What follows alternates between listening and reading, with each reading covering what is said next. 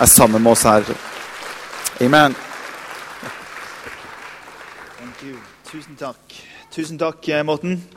Takk for invitasjonen til eh, Pinsekirken i Bærum. Jeg har jo vært her noen ganger eh, tidligere. Ikke i dette lokalet. Gratulerer. Helt kanon, altså.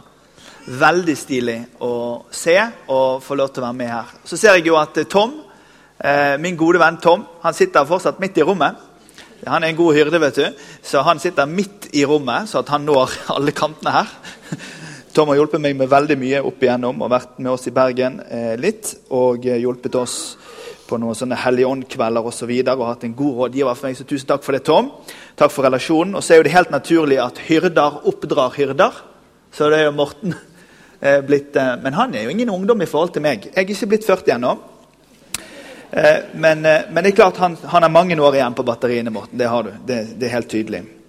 I dag skal jeg eh, snakke litt om, om noe som jeg har blitt minnet om i forhold til dere. Jeg er litt rundt og, og reiser. Det har alltid vært sånn med meg. Forrige søndag det er vinterferie. så Forrige helg så hadde vi skjærgårdsgospel på fjellet, jeg og min kone og familien. Så vi, vi ble invitert til å være talere der. Så Forrige søndag var jeg i Ål kirke. Så det var en litt slapp søndag. Hadde bare én gudstjeneste. Eh, og så skulle jeg vel egentlig teknisk sett vært på alle våre fire i Bergen i dag, men jeg er her og har én. Men jeg er veldig konsentrert, for jeg har én ting som jeg har lyst til å melde her med dere. Når jeg var ungdomspastor, så skrev de på websiden i Tabernaklet Bergen at han er en hyrde man må lete lenge etter. Eh, de, de måtte endre det. Eh, det var jo ikke det de prøvde å si, men det, det, det har vel egentlig alltid vært litt sånn.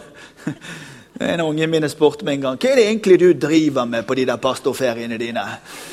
Eh, så Det har blitt litt reising rundt i Norge. Og eh, jeg har sett eh, litt i forhold til min alder og truffet en god del kristne folk i alle mulige aldre. Og jeg har truffet eldre folk som ser tilbake på et langt liv med Jesus. Jeg ser folk i midten av livet som lurer på hvor ble det som jeg drømte om, av henne. Og så ser jeg ungdom som er full av kraft og tenker dette skal gå kjempebra. Jeg har hele livet foran meg. Men like fullt så vil jeg spørre deg spørsmål i dag. Hvor er du henne? Og Det er det spørsmålet vi skal leke med i løpet av de neste eh, minuttene her. Jeg tilhører jo den nye generasjonen forkynnere som bruker klokke og ikke kalender når jeg taler. Så jeg, jeg ønsker å ta deg med i en, en, halvtimes tid her inn i dette spørsmålet. Hvor, hvor, er du i livet ditt? Vi skal ta utgangspunkt i tre spørsmål i Bibelen. Eh, og så skal vi se hvor dette lander i forhold til hvert enkelt sitt liv. Det første spørsmålet som vi skal ta utgangspunkt i, det er spørsmålet fra Edens hage. Da hørte de lyden av Herren Gud som vandret omkring disse to som var der i hagen, i den svale kveldsbrisen. Og mannen og kvinnen de gjemte seg for Herren Gud blant trærne i hagen. Men Herren Gud ropte på mannen, og så spurte han, 'Hvor er du?' spurte han. For det som skjedde i Eden, var at Mannen og kvinnen gjorde det, den ene tingen som de ikke skulle gjøre. De spiste av den frukten fra den busken som sto der i kanten av hagen. Og så skjedde det noen på innsiden av dem. Gud ønsket å være nær dem, men de gjemte seg for Gud. Hvor er du? Det er noen av oss som når Gud spør oss hvor vi er, så gjemmer vi oss. Det var en pastor som hadde akkurat begynt å jobbe i en, en menighet. Og Han var på sånn lørdagsvisitt. Han gikk rundt og besøkte menigheten sin på lørdagen. og, så, og så kom han til en familie, og han skjønte at det var folk hjemme når han banket på.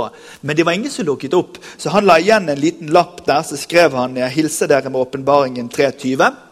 Søndagen kom dagen etter, og da lå det den samme lappen fra åpenbaringen 3.20, men med en tilføyelse fra første Mosebok kapittel 3, vers 10.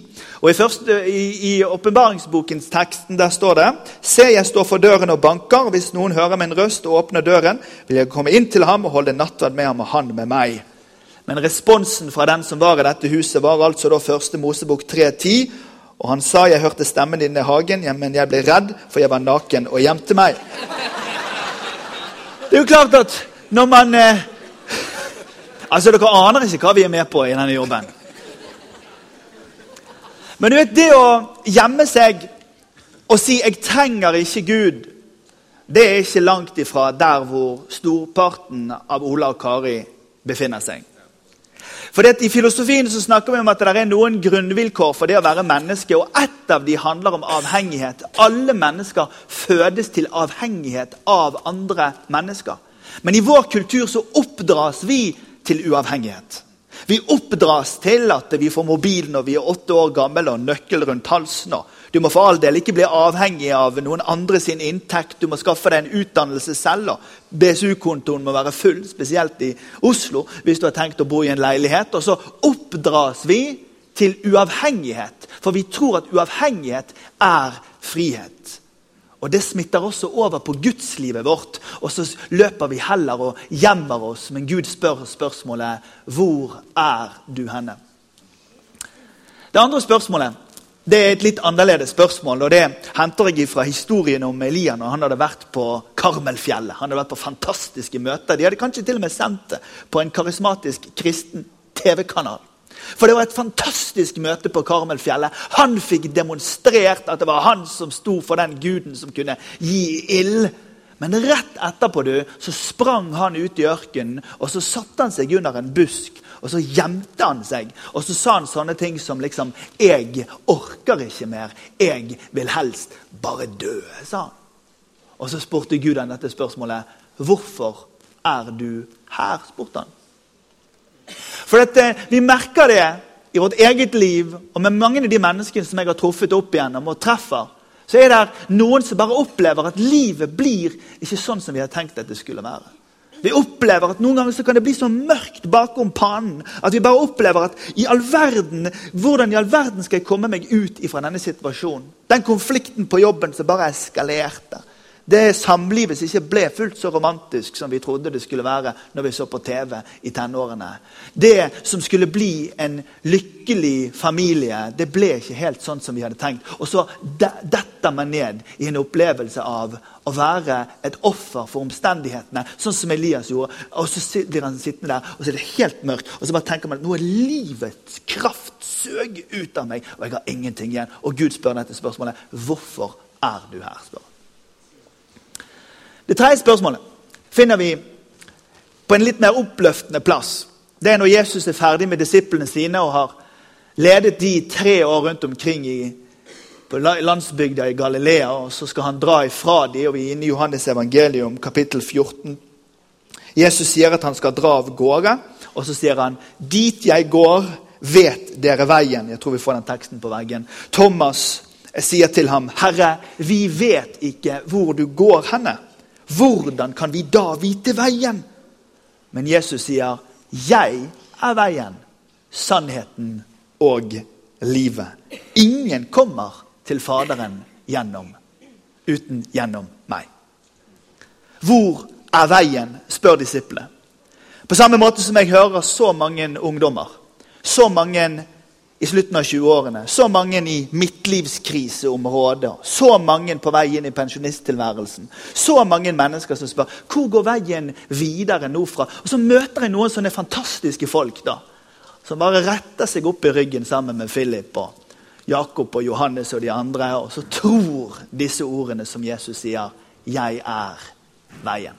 Vet du, Jeg tenker at det finnes én vei gjennom livet. Den veien er han brei og den veien er han smal. Og så er det sånn at Jesus sier til oss når vi går på den breie veien, så sier han snu deg rundt. Jeg er veien, sier han. Og mens vi går på denne veien i etterfølgelsen av Jesus, så oppdager vi mer og mer av sannheten. Det er jo derfor vi kommer til kirken og er med i Life-gruppe og går på noen sånne bibelkurs og leser litt kristen litteratur og følger med. For dette mer og mer sannhet kommer til oss. Og der, når vi kommer gjennom den sannheten, så ser vi mer og mer av livet. Ikke det fantastisk? Jesus sier at 'jeg er veien, jeg er sannheten og jeg er livet'. Hvor går du henne, spør disiplene. 'Jeg er veien'. Og Det som jeg håper i løpet av disse minuttene vi skal ha sammen her i formiddag, det er at du skal få et klart grep på at når Gud spør deg 'Hvor er du henne?', så har du et tydelig valg. Enten kan du gå og gjemme deg, og så vil han fortsette å spørre 'Hvor er du?' Hvor er du? Men det er noen av oss, vi har noe gjenstridig i oss. Vi er litt vanskelig å be. Vi er ikke så enkle å få i bevegelse, men Gud spør hvor er du? Andre av oss i et rom så stort som dette havner her nede bak busken med Elia når Elia bare blir sittende der. Dette blir ikke sånn som jeg hadde tenkt. Jeg er et offer for alt det som skjer med meg. Du vet ikke hvordan jeg har det. Hadde du hatt min helse, hadde du hatt min økonomi, hadde du vært gift med den jeg er gift med, så hadde du altså syntes synd på deg sjøl. Og så detter vi ned i en sånn der eh, offermentalitet. Og jeg sier ikke at det er lett, men jeg sier at det er et sted hvor Gud spør deg hvorfor er du der. Og så, og så, sier, han, og så, og så sier han dette til disiplene sine. Og det er dette jeg håper å overbevise deg om i løpet av de neste minuttene. Hvor går du? Jo, her går jeg. Og Så retter vi oss opp i ryggen, og så bare går vi med Jesus på en vei. Tett på han gjennom livet. Og så ser vi mer og mer av sannheten. Og så får vi lov til å se mer og mer av livet. Skal vi ta de tre? Livet, sannheten og veien. Og så skal vi se på hva det betyr for våre liv. Hvor er du i livet? Dette året blir jeg 40 år. Det syns jeg er ganske mye. Eller jeg syns det var utrolig mye da jeg var yngre. Nå er ikke det så galt. Men når barna mine spør sånn Levde du på 80-tallet? Da skjønner man at man er litt sånn fra juratiden, på en måte. Men et liv virker utrolig langt når man er ung. Og så blir det litt sånn kortere og kortere jo eldre man blir. Altså, det er ikke så lenge mellom hver julaften. på en måte. Det er veldig intenst med julaften når du er ni, og så er, det, er det jul igjen når man er 40. Det er en katolsk tenker dette er den eneste gangen jeg skal sitere katolisismen i dag, som heter Romano Guardini. Han har, delt, eh, han har delt livet inn i åtte faser. jeg har lyst til å bare dra deg gjennom de. Han sier at de åtte livsfasene vi går gjennom i livet vårt, de kan deles inn, de avsluttes av en katastrofe. Den første livsfasen i det å være menneske, da er vi inne i mors mage. Det er jo en vidunderlig tid eh, for oss mennesker. Det koster ingenting å ta trikken. Eh, man trenger ikke å spise selv. Eh, man, man, slipper å dusje fordi man er inne i dette vannet eh, til stadighet. Man er tett på, det er varmt og godt. Men fødselen det er den første krisen vi opplever i livet vårt. Du kan få se et bilde av en liten fødsel her. Dette er den første livskrise. Vi kommer ut av mors mage, og der ute er det plass til alt mulig. Og der er det ganske så krise. Så går man inn i barneårene, og det er jo noen fantastiske år. Morten har jo bevart litt av sin bergensdialekt. Det er vidunderlig å være bergenser. Fantastisk å være født i regnet. Jeg syns ikke den sangen deres, 'Our praise goes up, the rain comes down', var noe sterk i det hele tatt. Um, uh, jeg klarte rett og slett ikke å, synge med på den. Vi har, vi har, hatt 73 dager med regn, og vi hadde opplett, som det heter på Vestlandet, i en halv time i romjulen. Eh, barn i Bergen fødes ikke med hud lenger, de fødes med Gore-Tex. Det, det er helt sykt, altså. Men barneårene lærer vi av ja og nei. Vi lærer av mor og fars eksempel. Rydd rommet ditt, lille venn. Ja, hva med ditt rom, da? Sant? Man opplever den der med barna. Og så er det slik at man smeller rett inn i livskrise nummer to, som er puberteten. Eh, puberteten Å eh, oh ja, det er jenter her. Eh, eh, hvorfor eh, ja men, ja, men, altså Alle spørsmålene kommer jo opp i puberteten. Det er en utrolig eh, altså Han mellomste min han ble 13 her på, i forrige, forrige dagen. Han sa, at, han, han sa for litt siden at tror, tro puberteten er på gang. sa han. altså, Det er liksom Hva skjer? sant? Så går man over i neste livsfase. og Fra, altså, fra man er ungdom og utover 20-årene er veldig interessant. Hvis du legger merke til politiske partier i Norge Sant? Om du er høyre- eller venstreorientert. Men politiske ungdomspartier tror at alt er mulig. Har dere lagt merke til det? Trønderske Frp-ere liksom. Vi skal avskaffe bompenger og oljeskatt i hele verden innen eh, seks måneder. Sant? Og Miljøpartiet De Grønne liksom. Vi skal bo i skogen og klemme på trærne. Og, eh, og, og, altså det, det, er så enormt. Og kristne ungdommer de liksom, 'Hvor skal du i helgen?' 'Skal til New York City.' 'Hva skal du da?' 'Frelse hele Manhattan.' Halleluja. Altså, Alt er mulig når du er ungdom. Fordi at idealismen er så høy i livet. Men det er noe som skjer. Hør, det er noe som skjer en eller annen plass mellom 28 og 32 år, hvor realismen, idealismen krasjer inn i realismen. Og det ser cirka sånn som dette ut. Og vet du, På dette punktet er det vi mister flest kristne i dette landet. Altså Dette stedet mot slutten av 20-årene, hvor alt er mulig, og røykemaskin og halleluja, hvor man plutselig finner seg sjøl i et rekkehus i en bygd utenfor Bærum som man ikke kan uttale engang, som ble bygd i 1932 og ikke har isolasjon i veggene, og det er en Opel i gården, liksom, og unger som gulper og slettens ikke ser ut sånn som de ser ut på Facebook når vi tar bilder av dem, da møtes idealismen og realismen i en sånn, i en sånn krasj. Og der mister vi så mange mennesker i den kristne menigheten. Noen nyere undersøkelser fra USA viser oss at vi er på det mest troende når vi er 15, og på det minst troende når vi er 29. For idealismens krasj med realismen gjør noe med oss. Kommer vi oss gjennom det, så er vi inne i 30-årene, og 30-årene har vært en fantastisk tid.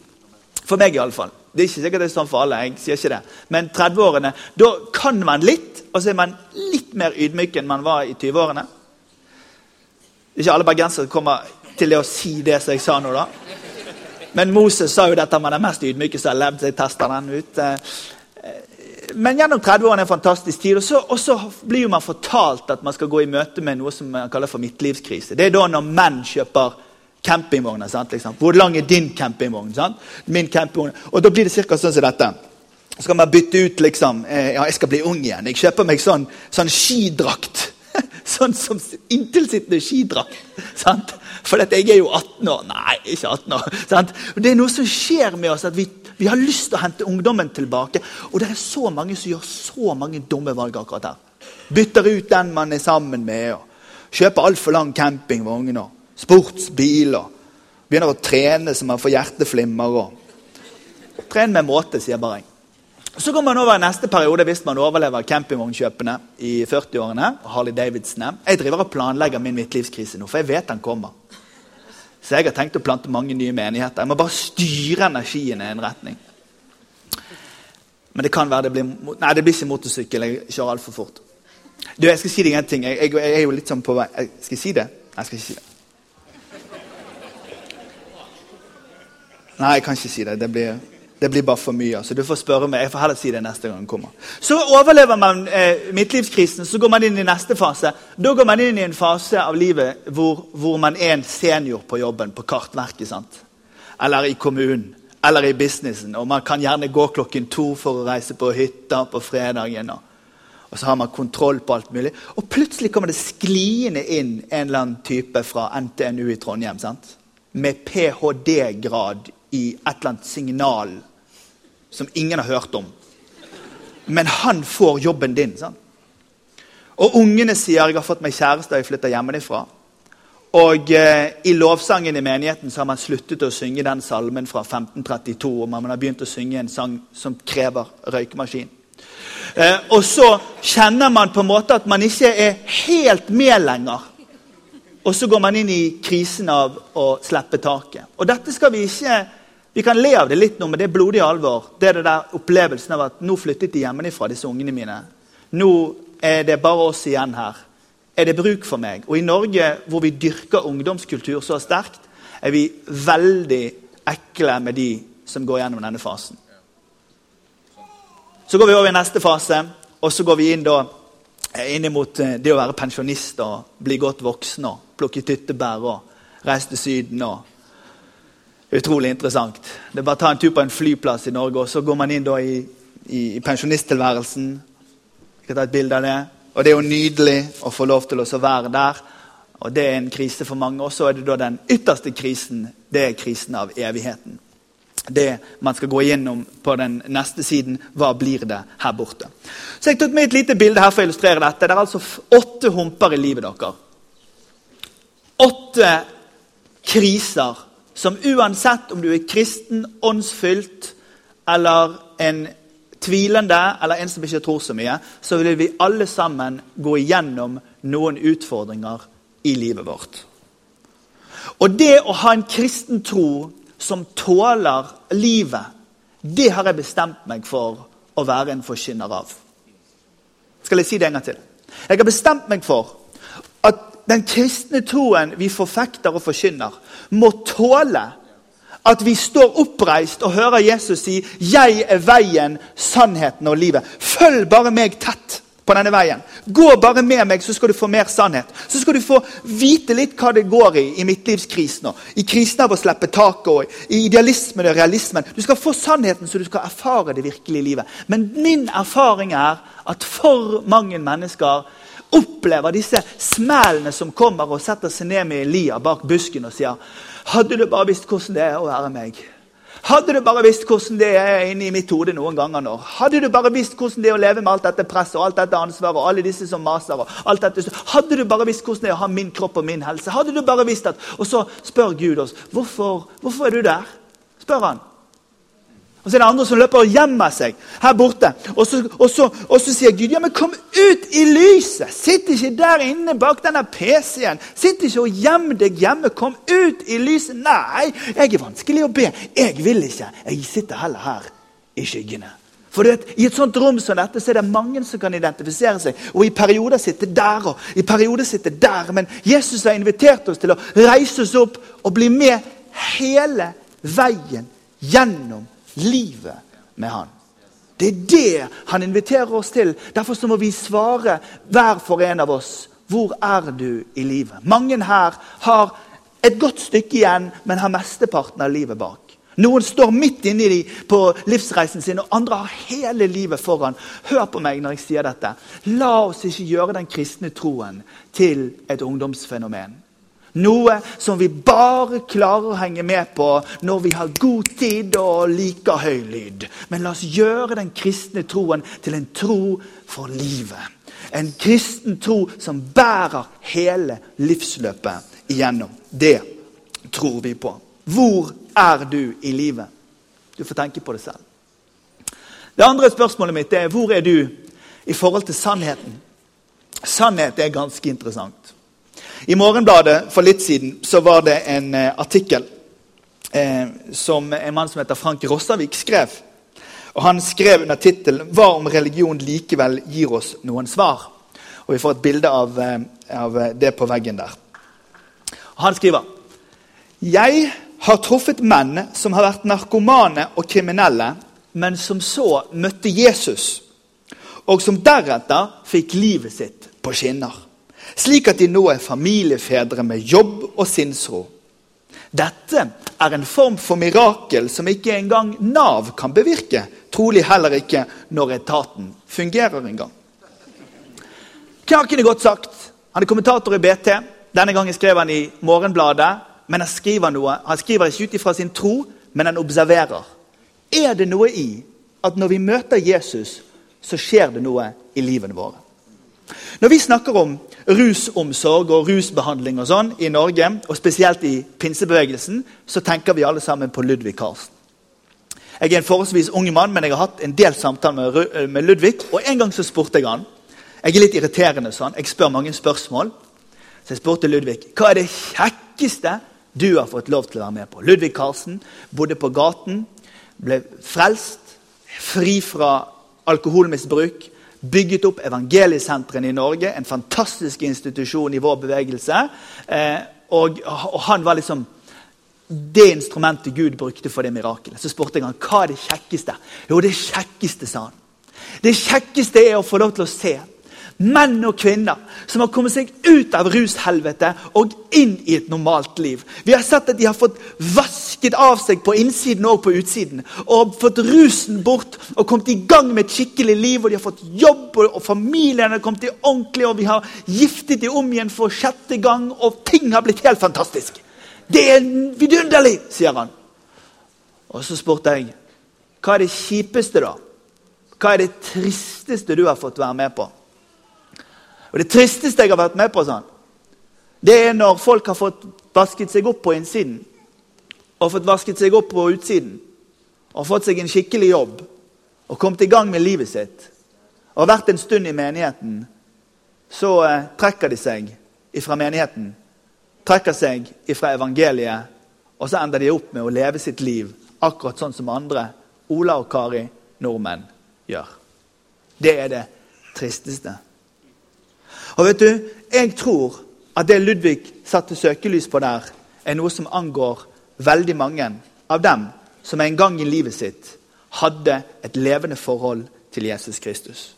Det er som om det passet inn i den ene fasen, men det passet ikke helt inn i den neste fasen av livet. Eller når jeg fikk det jeg trengte fra Jesus, så var det mer enn godt nok at jeg kan bare leve mitt liv sånn som jeg vil leve det selv. Og Så sier Jesus, 'Jeg er veien', sier han. Og mens du går på veien, så skal du få mer og mer av sannheten. Jesus sto foran Pontius Pilatus, og så spurte Pontius Pilatus Jesus dette spørsmålet. Hva er sannhet? Og så, og så sier Jesus, 'Jeg er kommet for å vitne for sannheten', sa han. Og alle dem som er av sannheten, de hører min røst. Wow. Og så tenker jeg så tenker jeg på oss. Så tenker jeg på det som noen ganger blir kalt for Wikipedia-generasjonen. Altså vi som går inn på Internett og leter etter det svaret vi vil ha. Vi som går inn og finner den forskningen som støtter mitt syn. Vi som oppsøker den kirken som er enig med hvordan jeg vil ha det. Vi som designer sannheten slik at den sannheten som passer meg best, det er den som jeg blir fan av. Da får jeg litt problemer med Jesu kall. Fordi han sier 'jeg er veien, jeg er sannheten'. Det er en sannhet her som jeg ikke kan definere, men som han definerer. Bare hør på dette verset her. Det kommer på veggen. Dersom dere elsker meg, holder dere mine bud. Og jeg vil be min far, og han skal gi dere en annen talsmann, som skal være hos dere alltid. Sannhetens ånd, som verden ikke kan ta imot. For verden ser ham ikke og kjenner ham ikke, men dere kjenner ham, for han blir hos dere, og han skal være i dere. Og Jeg sier dette til kirken i Bergen, så sier jeg at vær grei og ikke vær fiende med din samvittighet. Vær venn med din samvittighet. Fordi at det, sannhetens ånd han vever seg selv inn i din samvittighet. Så mens du går på veien, så opplever du rett, galt. Gå hit, ikke dit. Ikke se, se. Gå den veien. For det er på veien så er sannhetens ånd vår hjelper til å ta oss framover til mer liv. Men Wikipedia-generasjonen sier nei, jeg liker ikke den. liker ikke den. Not like, like, like, like, like, not like, not like, maybe attending, not like, like, like. Vi dømmer og kaster terning og sier like og ikke like hele tiden. Som om vi var sentrum av universet. Glem det! Jeg har lagt mitt liv i Jesu hender. Jeg har bestemt meg for å gå på hans vei, og på hans vei er det hans sannhet som gjelder. Jeg spurte en bibelskole her i en stor norsk by som begynner på O og slutter på Slo spurte de hva er den største utfordringen til menighetsbygging blant deres venner. Og vet du hva de sa? Podkast, sa de. Det er så mange av våre venner som istedenfor å bli med i en kristen menighet og delta i kafeteriaen litt og hjelpe til med barn og synge en sang og stemme en streng, heller vil sitte hjemme og lytte på forkynnelsen som de velger selv. Og nå, nå, nå, kommer jeg til problemet. Problemet blir da slik at hvis det er slik at hver enkelt av oss skal velge vår favorittforkynner, som stryker oss med hårene hver uke, hvor blir det da av den sannheten som vi trenger å høre, som stryker oss litt den andre veien? Hvor blir det da av den forkynnelsen som kaller oss til omvendelse? Hvis det er vi som skal velge hva, hvem er det da som står i sentrum? Hvor blir det av det rommet for omvendelse? Hvor blir det av det rommet hvor sannheten får sette oss fri? Hvis det er bare det vi lytter til, som vi liker. Jesus sier, 'Jeg er veien. Gå på meg!' Jeg er sannheten. Du skal få mer sannhet, og så skal du komme gjennom til livet. Men det er så mange som bare, bare Nei, det der, det der vil ikke jeg høre på. Jeg sitter heller her i skyggene. Jeg vil heller sitte her og gjemme vekk den siden med meg sjøl. Nei, jeg er vanskelig å be. Jeg blir ikke med på det der. Og så spør Gud, 'Hvor er du?' spør han. Så det er andre av oss som når vi opplever denne brytningen, så blir vi sittende her med Elia. Vi sittende her bak, liksom, Hadde du bare visst hvordan jeg har det? Hadde du bare visst hvordan det er hjemme hos oss? Hadde du bare visst hvordan det er å være syk sånn som jeg er syk? Og hør, jeg sier ikke dette for å ta lett på det, men jeg sier at når vi detter ned i mangelen på perspektiv, så mister vi også veien vår gjennom livet. Og da spør Gud oss hvorfor er du her? Så inviterer han oss til å reise oss opp og bli med på denne veien. Dette, denne sannheten. Dette livet. Hvor er du i forhold til sannheten? Hvor er du i forhold til veien? Jeg eh, startet eh, Salt Bergenskirken i godt vennskap og forståelse med Tabernaklet Bergen for ti år siden. Og eh, har ledet en, en ganske forholdsvis ung menighet i disse årene. Men har reist mye i Norge og truffet mye eldre mennesker. Og jeg setter pris på Jesus-etterfølgere i alle aldre.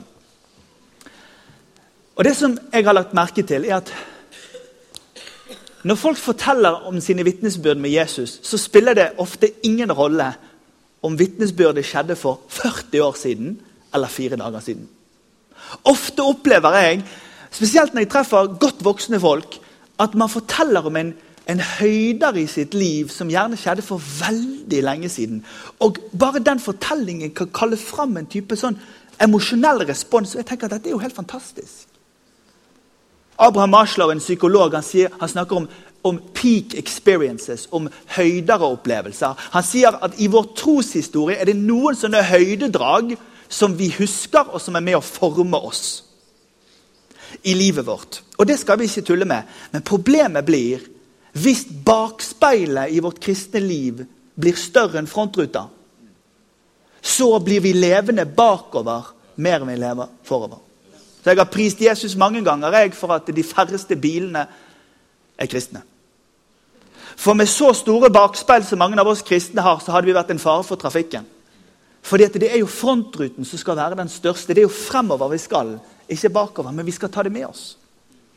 Og så møter jeg i de samme sjelesorgsamtalene og i veiledningssamtalene og i forbundssituasjonene en type tristhet.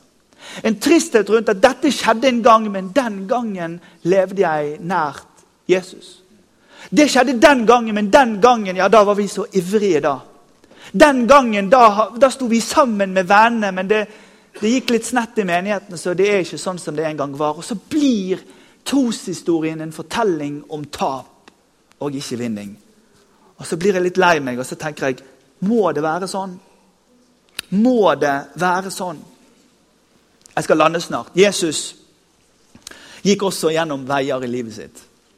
Og når han gikk på landsbygda der nede i Galilea, så, så, gikk jo han veldig mye. Og en dag når han stoppet med denne her samaritanske kvinnen, en fantastisk historie om det å ha en samtale som bringer en enorm forvandling, så spør han en samaritansk kvinne, en sånn som man ikke snakker med Hun hadde feil etnisitet, feil rase, feil bakgrunn, feil tro og feil livsstil. Alt var galt, men Jesus snakket med henne. Og så sier han til henne, 'Kan, eh, kan jeg få eh, noe å drikke?' Ja. Så ble det til en samtale. Og så sier Jesus etter en stund til henne ehm, Men hvis eh, du hadde drukket av det vannet som jeg kan gi deg, så skulle du aldri tørstet igjen. Og umiddelbart så sier denne kvinnen, 'Gi meg av det vannet', sier hun. La meg bare sette deg inn i dette med vannhull i Skriften. For vannhull i Skriften er ikke det de er nå for tiden. Det var to typer vannhull når Jesus gikk langs veiene. Det var brønnene, og så var det sisternene. En brønn er en fantastisk plass. Brønnen er der fordi at den har kontakt med grunnvann eller en underjordisk bekk eller noe som gjør at den stadig fyller seg opp igjen. Derfor så er brønnen å foretrekke som vannhull. Men sisternen den trengte de også i disse karrige landskapene. Det var rett og slett bare en brønn som var boret ned eller gravd ut i bakken. Og så var det ingen naturlig tilsig av vann, men det var sånn at man måtte komme med vann og helle på. Og når det var helt på, så var det tilstrekkelig vann, og så drakk man opp det. Og så måtte man helle på igjen. Sisterne og brønn. To forskjellige vannhull. Det som var å foretrekke, var jo brønnen. Men sisternene de var der langs landeveien, der hvor Jesus gikk. Hold den tanken. For noen år tilbake så spurte Willow Creek-menigheten i Chicago et spørsmål til sin menighet. De spurte dette spørsmålet. Veldig relevant for oss. Eh, hva er det som bekymrer deg mest i forhold til ditt disippelskap? Og de fleste svarte dette. Det som bekymrer meg mest i forhold til mitt disippelskap, det er hvordan jeg ligger an. Det er uklart for meg om Gud forventer mer av meg, eller om jeg er god nok. Det er uklart for meg om pastoren vil at jeg skal holde på mer eller mindre. Det er uklart for meg jeg, hvor jeg ligger an langs veien. Og du vet, De mest streverske blant oss vi bare gjør mer når vi tenker sånn. ikke sant? Da, da liksom, Jeg har gått på feire av alfakurs.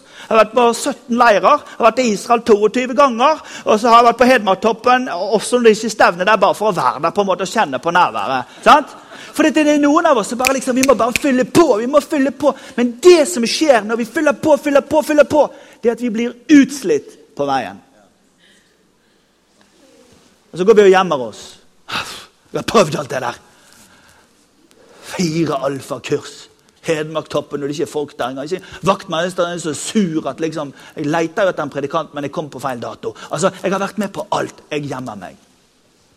Det ble ikke sånn som jeg hadde tenkt at den greiene. Hadde du bare visst hvordan det er å være meg.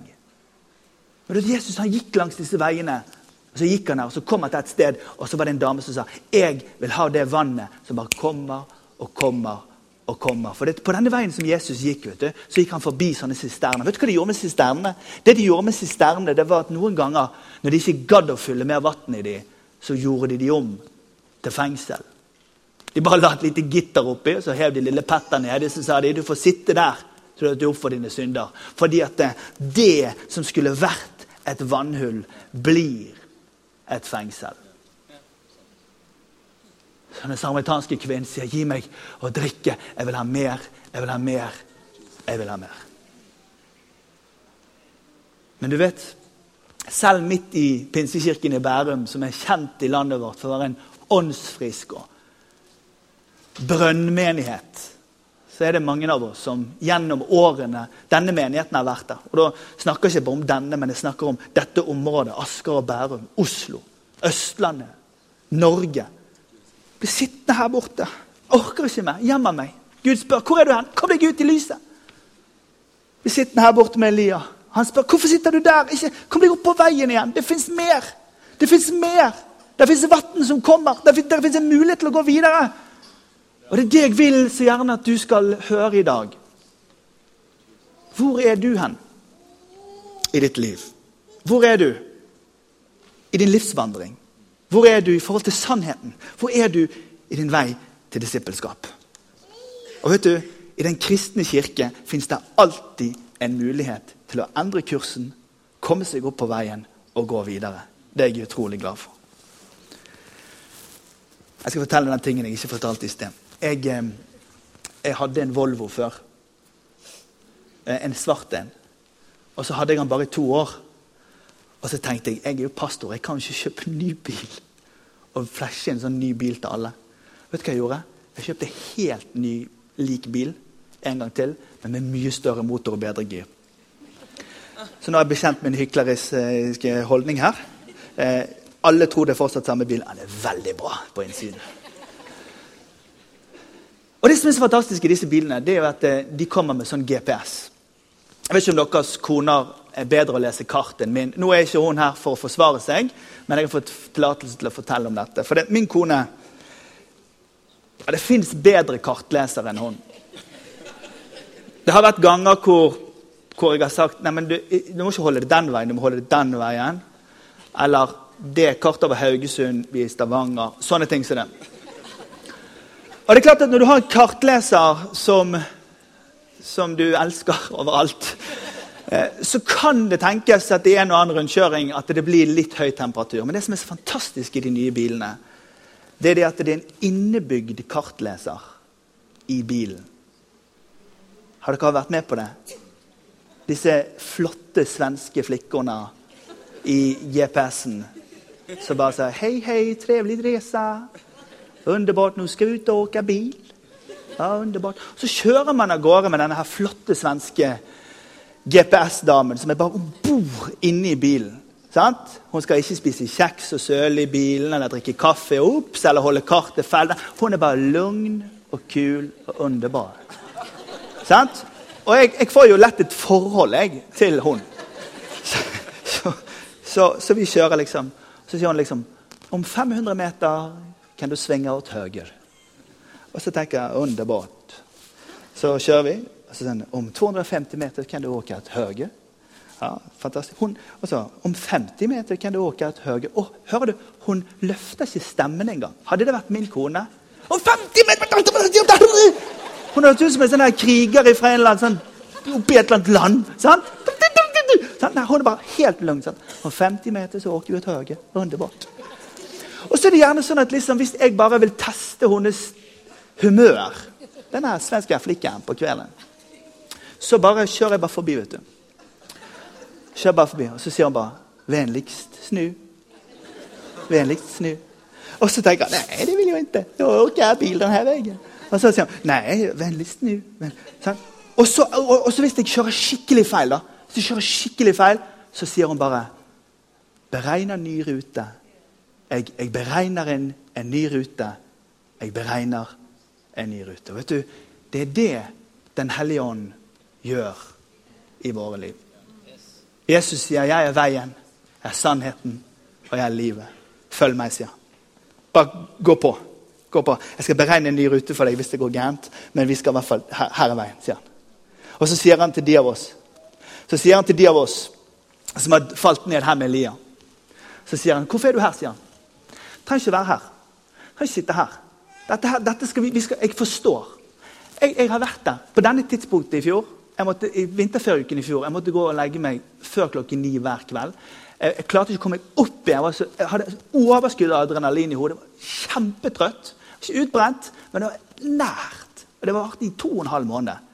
Jeg har vært der, og det blir så mørkt bak hodet. Man tenker så mange negative tanker. Man får ikke perspektivet i orden. Fordi man sitter plutselig på en plass hvor man liksom tenker at alt går jo så bra, men det går, det går ikke så bra her inne. Og så spør Gud hvorfor er du her? Og så inviterer han oss opp til en ny rute. En ny rute. Og så er det andre av oss som er litt for vanskelig å bre. Og nå får du bare kjenne etter i hjertet ditt, men noen av oss sitter her borte i mørket. Og så vet vi at vi skulle vært på den veien der, men vi sitter her og så spør Gud hvorfor er du her. Hvor er du henne? Kan ikke du kan ikke du bli med opp i lyset igjen? Opp på veien. Skal vi reise oss opp i sammen? Og så skal vi bevare roen i noen få minutter til, og så skal jeg gi meg. Hellige Ånd, vi takker deg for at du er her i rommet. Hvis vi er med helt fra øverst til nederst her, så er vi med. Hellige Ånd, vi takker deg for at du er her. Vi takker deg, Hellige Ånd, for at du har et ord til oss i dag, et spørsmål til oss i dag, Herre. Og jeg takker deg for det som du gjør i hvert enkelt menneske sitt liv. Og Herre, jeg har stor respekt for livssituasjonen for dem som opplever å være i skyggene. Jeg har stor respekt for dem som opplever at livet ikke ble sånn som man hadde tenkt. Jeg har stor respekt, jeg tar ikke lett på det. Men jeg vil bare spørre om alle sammen i dette rommet kan bare lukke sine øyne akkurat nå. Så skal jeg spørre deg, hvis du er en av de som sitter med Elia på en plass i ditt liv hvor du ikke kjenner igjen deg sjøl, hvor du opplever at livskraften er blitt sugd ut av deg. Og du opplever at det er blitt mørkere enn du hadde tenkt at det skulle være. og Du vet ikke helt hvorfor det er blitt sånn, men du har ikke lyst til å være der. Men du kjenner at Herren spør deg spørsmålet hvorfor er du her i dag formiddag. Hvis det er deg, bare rekk opp hånden der du står, som et tegn mellom deg og Herren. Jeg ser noe hender her. Bare rekk opp din hånd der det står. Så skal du få lov til å ta den ned igjen, og så skal jeg be for deg. Herre Jesus, jeg ber for hver enkelt som rekte opp sin hånd, Herre og som kjenner seg igjen i at man er på et plass i sitt liv hvor man ikke trenger å være, og hvor du ikke har tenkt for dem. Herre. Jeg ber Herre Jesus om kraft inn i enhver kvinne og inn i enhver mann Herre, som er der i sitt liv i dag. Jeg ber om at livets kraft, Herre, om troens ånd, Herre, om styrke ifra himmelen skal komme inn i deres liv, Herre. Jeg ber om det i Jesu Kristi av Nasarets navn. Mens alle sammen har øynene lukket. bare vent litt alle sammen her. Hvis, alle, alle sammen har øynene lukket. Hvis du befinner deg i et sted i livet ditt hvor du vet at du er vanskelig å be, hvor du vet at Gud han banker på, han spør om du vil bli med ut i lyset. Han spør deg om du kan tenke deg å være litt raskere i respons når han søker etter deg. Du trenger også å komme deg opp på veien igjen og gå med han. Men du er i skyggene og gjemmer deg, og han spør hvor er du Hvis det er det, kanskje du bare gi meg et lite vink der du står. Bare vink til meg der du står. Hvis det er det. Jeg ser din hånd der. Er det noen andre? Er der oppe også. Der også. Se hender. Kommer til hånden ned. Herre, jeg ber for hver enkelt, Herre. Som er gjenstridige, og som opplever at det er vanskelig å komme seg ut i lyset. Jeg ber om at du kommer med lys. Du sa 'la det bli lys', Herre. Nå ber jeg om at du kommer, og så gjør du det som bare du kan gjøre. Og så tar du menn og kvinner i dette rommet opp igjen på veien. Og så ber jeg for oss alle om at det livet som vi er kalt til å leve i etterfølgelse av det Jesus, at det skal være et liv på veien.